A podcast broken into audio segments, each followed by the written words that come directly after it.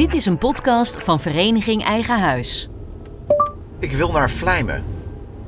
Vandaag voor het laatst in de auto. De roadtrip gaat naar Brabant. Vanaf je locatie is het met de auto 44 minuten naar Vlijmen bij weinig verkeer. Op weg naar Anita, die daar in een heel groot huis woont. Alleen. Neem de afslag A2 en hou links aan. Soms denk je de weg die voor je ligt goed te kennen. Hou links aan. Het landschap, de borden, de afslagen. Elk hobbeltje van de weg.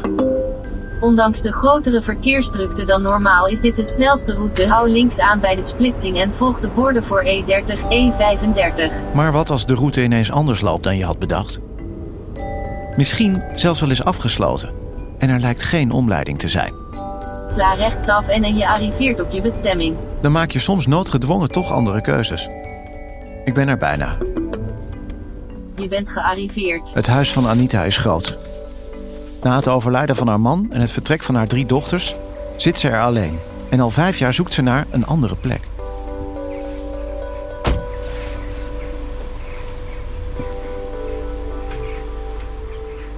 Goedemorgen. Eh, goedemorgen, Bartjan. Ik zou zeggen, kom binnen. Wat een eh, enorm huis. Ja, en ik had met je afgesproken dat ik je zou eh, rondleiden. Dus ik zou zeggen, we staan nu in de hal. Laten we maar gelijk naar, eh, naar boven lopen. Ja, wa- wa- wat is het voor huis? Vert- Vertel eens wat over. Wanneer is het? Ik pak even de kabel, zodat je niet struikelt.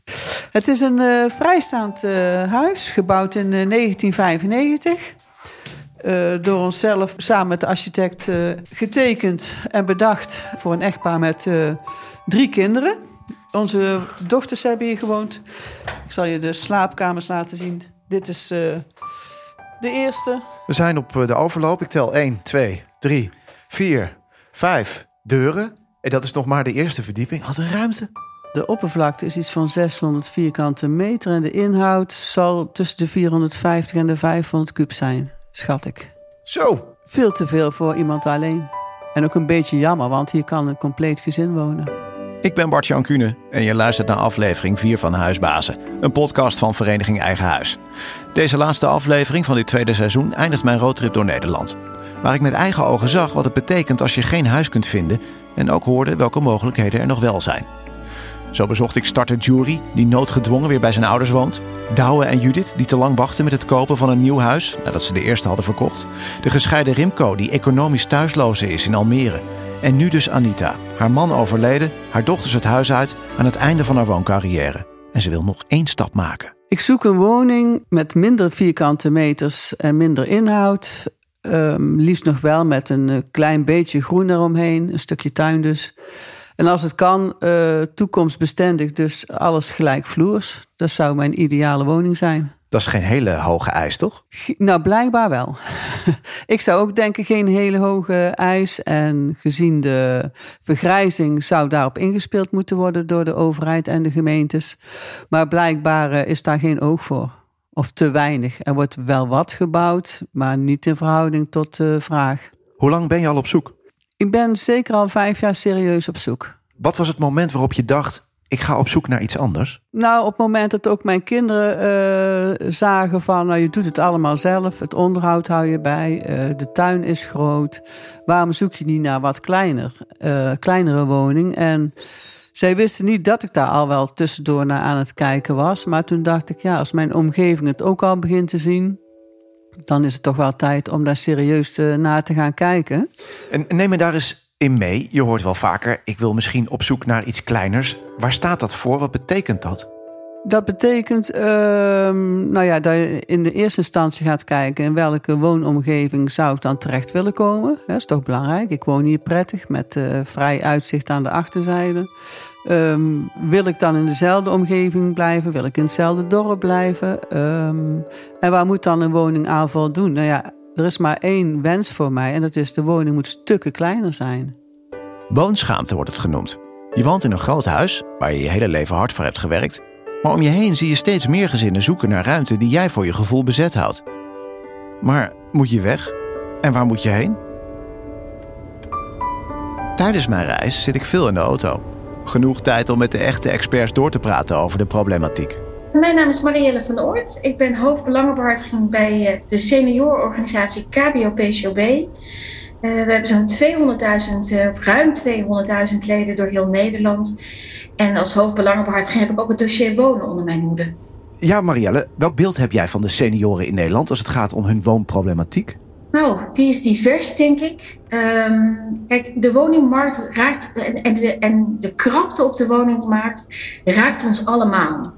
En die raakt ook senioren. Dus als je kijkt naar waar senioren mee te maken hebben, is het enerzijds eigenlijk uh, moeilijker om te kunnen doorstromen naar een nieuwe woning. Um, omdat die er niet is, of dat er onvoldoende echt seniorenwoningen zijn.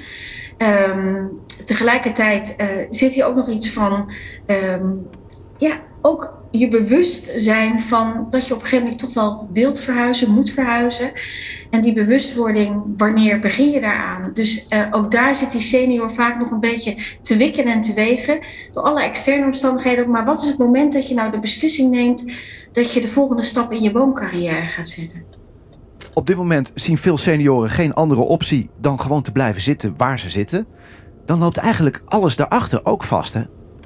Ja, uh, wat je ziet is dat uh, inderdaad mensen blijven zitten, proberen aanpassingen in hun huis uh, te realiseren. Overigens kan dat prima, hè? laten we vooropstellen. En volgens mij moeten we ook niet willen dat iedereen de volgende stap zet. Um, maar ja, ik denk dat als je kijkt uh, naar de discussie op de woningmarkt, dat eigenlijk de doorstroom, ja, dat speelt in alle gelederen, maar dat speelt natuurlijk ook bij senioren die vaak in een huis blijven wonen, waar ze met hun gezin hebben gewoond uh, en, hun, en hun kinderen dus, um, en, en niet de volgende stap zetten. En ik denk dat als we meer zouden investeren op allerlei ja, woonvormen, um, uh, seniorenwoningen uh, voor senioren, dat we ook wel eens een belangrijke impuls zouden kunnen geven aan die doorstroom op die woningmarkt, die eigenlijk zo hard nodig is voor iedereen. Zelf samen met de architect uh, getekend. Dat is geen badkamer, dat is een balzaal. dat, dat is uh, ja, voor de begrippen van nu een, een, aardige ruimte. De vierde deur, waarvan jij dacht waarschijnlijk dat het ook een slaapkamer was, is de complete ruimte boven de garage. Dit is allemaal voor jou alleen? Daarom, dit is allemaal voor mij alleen. En dat is natuurlijk eigenlijk te gek voor woorden. Een commissie onder leiding van oud-minister Wouter Bos deed onderzoek naar de situatie van senioren op de huizenmarkt. Veel ouderen willen graag in hun eigen huis blijven wonen, maar dan moeten ze hun huizen wel gaan aanpassen. En dat gebeurt te weinig. In 2015 woonde slechts 20% van de 65-plussers in een huis dat min of meer aangepast was. Wil je weten hoe anderen zich bewegen op een woningmarkt waarop je amper kunt bewegen? Kijk op eigenhuis.nl/slash eerste hulp voor praktische tips, webinars, e-books en verhalen van anderen in dezelfde situatie. Met welk idee ga je op zo'n plek als deze wonen? Ben je dan al bezig met de verre toekomst? Wat als je wat ouder bent en verder wil? Nee, daar waren wij toen uh, totaal niet mee bezig. We waren puur gericht gefocust op drie uh, jonge kinderen, nog schoolgaand. Liefst allemaal een eigen slaapkamer als dat mogelijk was. En daar is naar gekeken eigenlijk. En zeker niet uh, naar de toekomst. Ik zou hier kunnen blijven wonen. Ik kan hier in de garage ook een slaapkamer, badkamer maken. is geen enkel probleem. Maar dan blijft het nog een woning met totaal vijf slaapkamers die dan leeg blijven staan. Die zoektocht begon dus vijf jaar geleden. Wat ben je tegengekomen in die vijf jaar? Zat er iets tussen? In die vijf jaar heb ik gezien dat er nauwelijks uh, wat tussen zat. Uh, veel eengezinswoningen. Wat voor mij dan nog niks oplost. Dan woon ik wel kleiner, maar dan moet ik nog steeds met een trap naar boven. Uh, en de laatste anderhalf jaar woning waarvan je ziet dat de prijzen nou gewoon absurd zijn. En wat is absurd? Ik heb ook gekeken naar appartementen, ook al wil ik daar niet naartoe. Ik vind, ik ben nu 64 en daar voel ik me toch nog veel te jong voor. En dan heb ik ook geen enkele uh, groene omgeving meer. Die beginnen vanaf 450.000 euro. We hebben het de hele tijd over kopen. Je zou kunnen zeggen, ik ga even huren. Iets kleiners, totdat ik een geschikte woning heb gevonden. Ja, dat is een, uh, een hele goede optie natuurlijk. Ik sta inmiddels, ik denk 12 jaar ingeschreven voor de gemeente Den Bosch. Maar dat uh, houdt dan tevens in dat ik meerdere keren ga verhuizen in de toekomst. Dan zou ik nu naar een huurwoning in Den Bosch kunnen waarschijnlijk. Ik ga ervan uit na 12 jaar dat er wel een mogelijkheid moet zijn. Ik ben niet van plan om te blijven huren. En dat worden meerdere verhuizingen. En mijn uh, gedachte is, als ik nu één keer kan verhuizen naar een geschikte woning voor mij, die levensbestendig is, dan ehm, is dat eigenlijk één verhuizing. En dat vind ik toch prettig. En dan de gedachte minimaal twee, drie keer te verhuizen. Je bent nu 64. Ehm, je begon vijf jaar geleden met zoeken. Je hebt nog altijd niets gevonden. Wat betekent dat eigenlijk voor jou? Dat betekent voor mij dat ik me steeds meer ga realiseren dat ik hier blijf wonen. En de dingen die ik niet meer wilde doen uh, aan vervanging in de woning, op een gegeven moment toch maar door gaan zetten. Dus na 25 jaar dan toch maar een nieuwe keuken en wellicht toch ook maar een andere badkamer. Stel nou, hè, want je woont alleen in dit huis, um, je, je wordt ouder en nu gaat het goed, je gezondheid is goed. Maar dat kan ook van het ene op het andere moment anders worden. Denk je daar wel eens over na? Nee, ik, ik denk dan toch in oplossingen. Uh, op het moment dat het echt niet meer zou kunnen, maar dan denk ik eraan. Nou ja, dan zou je bij wijze van spreken naar een, uh, een soort verpleegomgeving moeten. Ja, dan heeft het voor mij niet zoveel zin meer om echt verder te zoeken. Dan komt daar wel een andere oplossing voor. Maar tot die tijd uh, moet het mogelijk zijn, mocht, mocht het nodig zijn, met de behulp van uh, wat persoonlijke zorg of huishoudelijke zorg uh, hier te blijven. Succes met je zoektocht. Dankjewel, uh, Badjan.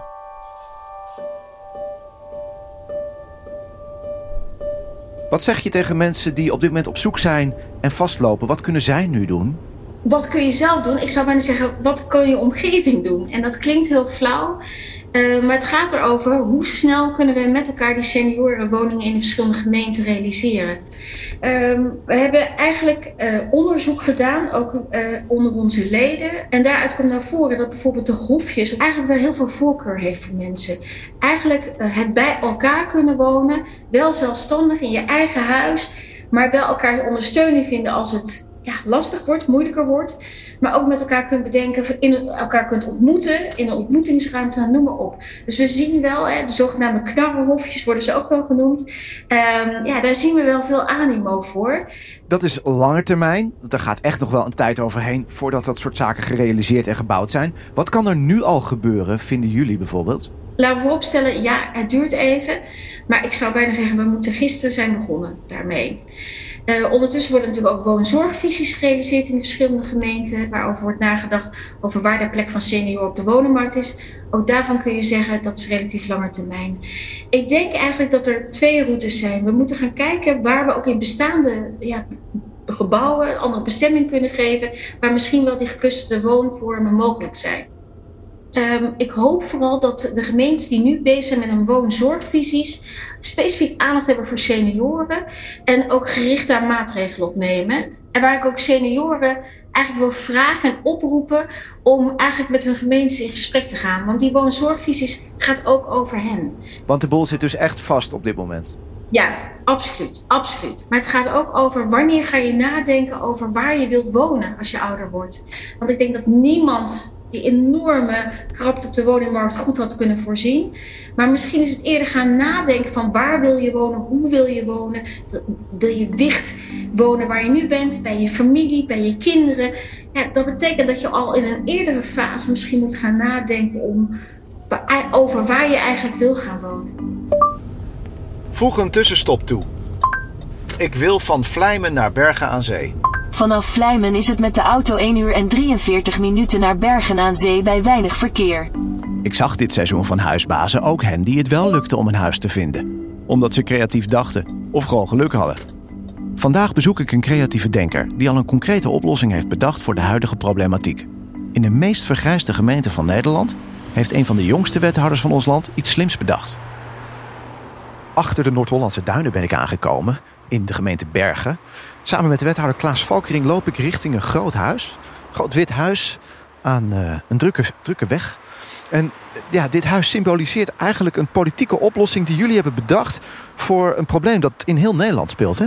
Ja, want dit huis was, is een vrij groot huis. Er zat zelfs ook een kleine winkel in gevestigd aan de voorkant. Uh, en die woning die is recent gesplitst. Waardoor er nu dus twee woningen zijn. En eigenlijk ook twee vrij goedkope woningen in een anders vrij dure gemeente. Het splitsen van woningen. Hoe moet ik dat zien? Ik kan me er wel iets bij voorstellen. Zet je gewoon een streep waar de trap loopt naar boven? Ja, en dan, dan vraag je mensen om heel erg aan één kant of aan de andere kant te blijven van de trap. Uh, maar als je het iets beter wil aanpakken, dan splits je de woning daadwerkelijk in tweeën. Uh, dat doe je door er bijvoorbeeld een muur in het midden te zetten of een stukje aan of op te bouwen. En daarmee win je behoorlijk wat ruimte. Want als ik het zo zie, het is echt een fors pand. Hoe groot is dat pand? Uh, hij moet van tevoren zeker 500 kub zijn geweest. en daar zit hij ook net aan, denk ik. Op deze manier creëer je veel meer ruimte binnen je gemeente. Waarom is dat nodig? Nou, het is nodig omdat onze gemeente heel erg hard vergrijst. Uh, dus dat betekent dat jongeren wegtrekken. En dat doen ze niet omdat hier geen banen zijn, maar dat doen ze echt uh, omdat er geen woningen te vinden zijn. En dat is jammer, want dat betekent dat onze voorzieningen achteruit gaat. Dat draagvlak voor scholen er veel minder is. Maar het betekent ook dat je met een hele grote vergrijsde doelgroep blijft zitten. Die eigenlijk niet passen in die veel te grote woningen. Omdat ze juist kleiner willen gaan wonen en hun kinderen al lang al weg zijn. Die krijgen hun woning ook weer niet verkocht. Waarom gebeurt dat niet veel meer? Want als ik het zo hoor, denk ik, ja, dan kun je in één keer de Nederlandse woningvoorraad verdubbelen. Dat kan, uh, maar dat komt omdat heel veel mensen er nog nooit over na hebben gedacht. Die denken altijd aan, nou, als mijn huis te groot wordt, dan verhuis ik. Terwijl ze vergeten dat er nog een andere perfecte oplossing is, namelijk het splitsen van die woning. En er moet ook een vergunning voor aangevraagd worden. En die kost normaal gesproken echt duizenden euro's. Maar jij doet dat hier anders. Ja, wij doen het voor niets. Uh, dus je krijgt van ons je vergunning gratis. We doen de, de, de constructietoetsingen doen we voor je gratis. We gaan gratis met je naar de welstandscommissie als je buiten iets wil laten aanpassen. Uh, en ook de algemene vergunning die nodig is voor het splitsen van woningen. Het tweede adres wat je dan krijgt, ook die is bij ons in Bergen uh, sinds kort helemaal gratis. Zitten de inwoners hier om te springen? Uh, op dit moment nog niet. Maar dat komt ook omdat er nog heel veel onduidelijkheid is. En mensen weten het eigenlijk nog niet. En we beginnen dat nu dus langzaamaan wat meer uit te rollen. Mensen het ook wat meer te promoten. Uh, en dan zie je dat, dat op het moment dat mensen erover na beginnen te denken... dat die wens er wel komt. Nu is het dit ene huis aan deze drukke weg. Hoeveel moeten dat er straks zijn over pak een beet? Vijf jaar? Nou, we hopen richting de 25 tot 50 per jaar te gaan. Daarmee is splitsen een oplossing, niet de oplossing. Want er moet uiteindelijk nog veel meer gebeuren in de gemeente Bergen om die vergrijzing tegen te gaan. Maar het is een mooie stap in de goede richting. En zo eindigt in Bergen aan Zee mijn roadtrip door Nederland. Langs een hele moeizame huizenmarkt. Je ziet dat iedereen eigenlijk vastloopt. Tijd om de balans op te maken met Karsten Klein, de belangenbehartiger van Vereniging Eigen Huis als er geen beweging meer is, dan, ja, dan heb je stilstand. En dat is eigenlijk wat er nu gebeurt. Jongeren komen niet die, uh, die markt uh, op, die, uh, de woningmarkt op. bestaande huizenbezitters die blijven zitten, want die zien ook niet wat voor een, een, toekomstige woning voor hen in het verschiet ligt. Ouderen zien niet dat er een alternatief is uh, voor een, een, een, woonsituatie die hun ook bij zorg bijvoorbeeld ondersteunt. Uh, dus iedereen zit eigenlijk stil en kijkt naar elkaar. Uh, en daardoor heb je dus stilstand. En daardoor is die markt dus ja, vastgelopen en heb je geen beweging meer. Dit was hem dan, Karsten. De woningmarktproblematiek. Verschillende generaties hebben we gehoord. De starters, de doorstromers. We hebben iemand gehoord die er onverhoopt alleen voor is komen te staan. Uiteindelijk in deze laatste aflevering het verhaal van Anita. En als ik Anita goed hoor, schaamt ze zich ook een beetje. Is dat terecht? Nee, ik vind dat niet terecht. Uh, ze heeft het huis zelf gebouwd met haar man. Een, uh, ja, 1995, alweer een hele tijd geleden. Heeft daar met haar gezin gewoond. Um, dat zij nu geen alternatief heeft en dat ze niks kan vinden, dat vind ik haar niet aan te rekenen. Dus het is wel een bizarre situatie dat iemand zich dan schaamt om ja, in zijn eigen huis te wonen. Wat is jouw gevoel als je al deze afleveringen zo naast elkaar zet? Wat, wat, wat zijn de overeenkomsten? Um, de doorstroming uh, is ja, niet, lukt nu niet. Daarmee loopt het vast. Uh, ik, ik zei ook eerder, de woningmarkt is overspannen. Iedereen zit naar elkaar te kijken, te wachten. Uh, er moet beweging in komen. En dat heeft in mijn ogen heel veel te maken met zekerheid. Zekerheid van een voldoende aanbod. Zekerheid van iets kunnen betalen. Zekerheid van dat je, dat, je, dat je weg kan en dat je een keuze hebt om te wonen waar je wil. En dat je weer de route kunt rijden die je van tevoren had bedacht. En dat je de afslagen kunt nemen je zou willen nemen. Ja, en het liefste bewust. En niet dat het je overkomt of dat je geen keuze hebt, dat je ergens in gedwongen wordt, maar dat je bewust zelf eigen afweging kan maken. Dat is volgens mij wat we moeten willen op, op de woningmarkt. En het is zo ontzettend bepalend voor mensen hun leven. een huis is op zich een heel materieel ding. Maar wat zich daar afspeelt en waar je het voor nodig hebt, dat is de invulling van je hele leven eigenlijk. En dat is ontzettend belangrijk. En daarom, nou, dat is ook, moet ik zeggen, mijn motivatie om hier dagelijks mee bezig te zijn. En deze verhalen gaan erbij helpen, hè? Zeker. Wij willen deze verhalen heel graag horen. We willen deze verhalen heel graag vertellen, verder delen, zodat we uh, ja, onze rol daarbij kunnen spelen dat wij de, ja, de kennis die we hebben, dat we dat met onze leden, maar ook met onze niet-leden kunnen delen. Zodat de situatie voor mensen die op zoek zijn naar een woning, zodat we die kunnen verbeteren. Dankjewel. Graag gedaan. En dit was echt de laatste aflevering van seizoen 2 van Huisbazen. Een podcast van Vereniging Eigen Huis. Dit seizoen zit erop, maar de problematiek is natuurlijk nog lang niet opgelost. De verhalen uit deze serie geven een goed beeld over alle generaties. Hoe zij geraakt worden door deze moeilijke markt en hoe levens blijvend worden veranderd. Op eigenhuis.nl slash eerste hulp wordt veel informatie rond het kopen van een huis op deze moeilijke markt verzameld. Om je op weg te helpen, om je meer inzicht te geven, je verhaal te horen, op ideeën te brengen. En ook vind je daar de mogelijkheid om webinars te volgen of e-books te downloaden. De andere afleveringen vind je ook op eigenhuis.nl slash eerste hulp. Ik hoor ook graag wat je van deze afleveringen vindt. Ik ben Bart Jankune, bedankt voor het luisteren. Dit was een podcast van Vereniging Eigen Huis.